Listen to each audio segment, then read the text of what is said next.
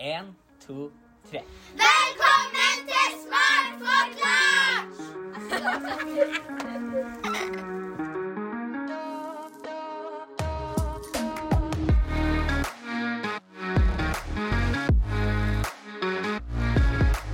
Du hører podkasten Smart forklart med Aksel Faanes Persson. Hjertelig velkommen til det som er den aller første episoden i denne rykende ferske podkasten fra oss i Sintef. Denne podden har fått navnet Smart forklart, eh, rett og slett fordi det er smarte folk som skal dukke opp i hver episode og forklare oss noe som forhåpentligvis gjør oss litt klokere, og som samtidig gir oss litt større tro på framtida og de mange gode løsningene som venter oss i årene som kommer. Vi setter veldig stor pris på at du har funnet fram til oss, og akkurat denne episoden det er en slags, ja vi kan kalle det en bli kjent-fest, eller Fest og fest, vi er nå to stykker som sitter her, da. Det er meg, Aksel Fonnes Persson, som har fått rollen som programleder for denne podkasten, og så er det Alexandra Bekke Gjørv. Så gøy å være her, og jeg gleder meg skikkelig til å følge med på denne podkasten fremover. Takk for det, og det er veldig hyggelig å ha deg her, det må jeg si. Du er jo et kjent navn for mange, blant annet som leder av 22. juli-kommisjonen. Du har også vært direktør i Norsk Hydro, og nå er du altså konsernsjef her i Sintef. Og for alle som har hørt om navnet Sintef, men kanskje ikke vet helt hva vi driver på med her, hva, hva gjør vi for noe? Sintef er 2000 ansatte som jobber hver dag, står opp og tenker på visjonen vår teknologi for et bedre samfunn. Vi løser problemer på vegne av både næringslivet og offentlig sektor, og så driver vi masse viktige laboratorier som folk kan komme og teste ideene sine i. Mm. Og Sintef har jo eksistert i over 70 år. Har du noen eksempler på hva vi har eh, klart å gjort på de årene? vi har jo nesten 5000 prosjekter i året, så det er utrolig mange å velge i. Ja, Vi har ikke tida til alle, nei. nei. Det skjønner jeg. Men det var en kåring for noen år siden. Hva var liksom de viktigste moderne oppfinnelsene som Norge hadde stått for? da? Og da var jo GSM GSM-teknologien som la grunnlaget for mobiltelefoni, det var jo en Sintef-oppfinnelse på vegne også av Televerket den gangen. da. Så er det jo det med å gjøre det mulig å ha det norske oljeeventyret gjennom flerfasestrømningen. Det er jo mye diskusjoner om hvor lenge det skal vare, men det har jo tjent Norge veldig godt, og de to oppfinnelsene ble de to viktigste, og der har Sintef vært helt sentral. Fantastisk. Eh, og det skjer jo mye spennende i Sintef hver eneste dag, og nå skal vi også lage podkast. Rett og slett fordi vi som et av Europas største forskningsinstitutter sitter på en enorm skattkiste av kunnskap som vi ønsker å dele med deg som hører på. Jeg vet ikke, men hvis du, hvis du skulle ha tatt fram én gullmynt fra den skattkista, Alexandra, hvilken gullmynt eller diamant ville du valgt? Vet du, liksom, det er jo helt umulig å si at jeg ville velge én ting, fordi det er jo så ufattelig mye. Og vi kunne sitte her i hele dag og liksom jazze på med gode eksempler, og så er det sånn at det er vanskelig som sjef å liksom si at dette er det fineste, fordi jeg syns jo jeg syns alltid det jeg nettopp har sett på, er det aller fineste. Jeg er så stolt av det vi holder på med.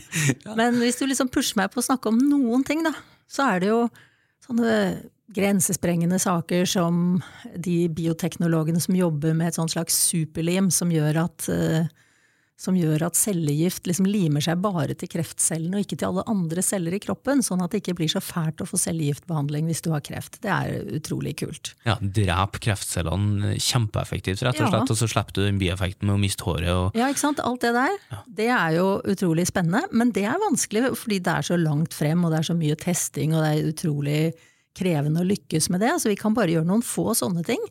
Men så har vi også masse eksotiske prosjekter. Jeg hørte nå at vi jobber med både å utvinne oksygen av materialer som finnes på månen. Vi jobber med sensor for stråling, for beskyttelse av astronauter, og vi jobber med kameraer på Mars, så det er mye space for tiden. Men også veldig jordnære ting. Eksempel hvordan du kan bruke aluminium i armering i bygg. Og da kan du spare utrolig mye klimagassutslipp hvis du får til det. Og det var liksom et mysterium før, og så var det en utrolig smart forsker hos oss som sa hva, hva om vi gjør det helt motsatt og annerledes? Og da blir det liksom en helt ny industri for alle de folka som jobber på Karmøy og uh, Sunndalsøra og overalt, og alle de som jobber i sementindustrien. Det syns jeg er veldig morsomt.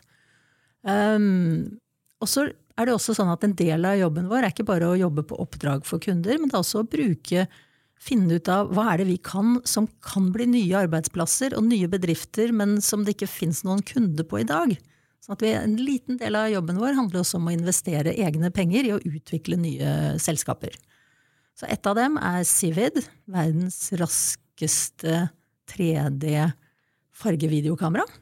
Ja, såpass, ja. Ja, Ja, Hva, hva gjør det? ja, Man skulle jo tro at det drev med sånn spill, dataspill og sånn, men det er litt for dyrt til det, så i øyeblikket så jobber det i industrien med å gjøre robotøyne utrolig presise, sånn at du, om det er en eh, industrirobot, eller kanskje i fremtiden, altså fjernovervåkning av ting som er veldig, veldig detaljerte. Så det er veldig gøy, og det er en bedrift som stadig vokser og lykkes kjempegodt. Og en annen bedrift som også er veldig stolt av, heter Tellu. Og den tror jeg mange lyttere kjenner igjen, for de der Telenor-reklamene som gikk med hun gamle damen Lisa, som fikk eh, vannet blomstene sine med stemmen og Ja! passet på kaffetrakteren og sånn. ja, ja. Der har vi altså tatt frem et teknologiselskap, og så har vi fusjonert det med Telenor e-helse. Og så har denne Lisa-teknologien, Tellu, fortsetter å utvikle produktet sitt. Så det siste vi lyktes med, det var sammen med dem og, og noe som heter Norway Health Tech og Sykehuset Innlandet, å hente 50 millioner kroner, tror jeg, fra EU. Og det de forsker på da, er hvordan man kan leve hjemme, men få hjelp med kols og demens. Og det er jo, kols er jo en av de sykdommene som tar opp mest sykehusplass. Sånn at for staten er det jo en kostnadsreduksjon. Men tenk deg for den personen som da kan bo hjemme med kols i stedet for å ligge på et sykehus som er langt unna der de bor, så er det jo virkelig teknologi for et bedre samfunn, da. Og en bedrift som skaper arbeidsplasser basert på sånn cutting edge-teknologi. For vi ønsker jo å være et verdensledende forskningsinstitutt, men det er ekstra gøy når det slår ut i noe som betyr noe for hverdagen til folk. Nydelig. Eh, det som du sier, Vi kunne ha sittet her hele dagen vi og snakka om eksempler fra, fra Sintef sin eh, forskning, eh, men du som hører på denne podkasten hvis du fortsetter å gjøre det, så vil du få innsikt i veldig mye av det vi driver med. Vi skal rett og slett dykke ned i denne skattkista av kunnskap som forskerne våre har, og så skal vi dele den kunnskapen med deg som hører på, da. Men det tenker jeg, det, er jo ikke en offisiell åpning før vi har klippet en snor. Det har jeg lært en eller annen plass. Eh, Så hvis du tar Jeg har lagt fram en saks til deg, Alexandra. Okay. Der, ja. Og så en lita snor. Yes. Og så Om du bare kan klippe den. Klipp! Der! Dere er vi Herved erklærer vi podkasten for åpnet. ja, Kjempebra. Da er vi i gang, og så håper vi du som hører på, syns at det her blir like spennende og lærerikt som eh, vi gjør.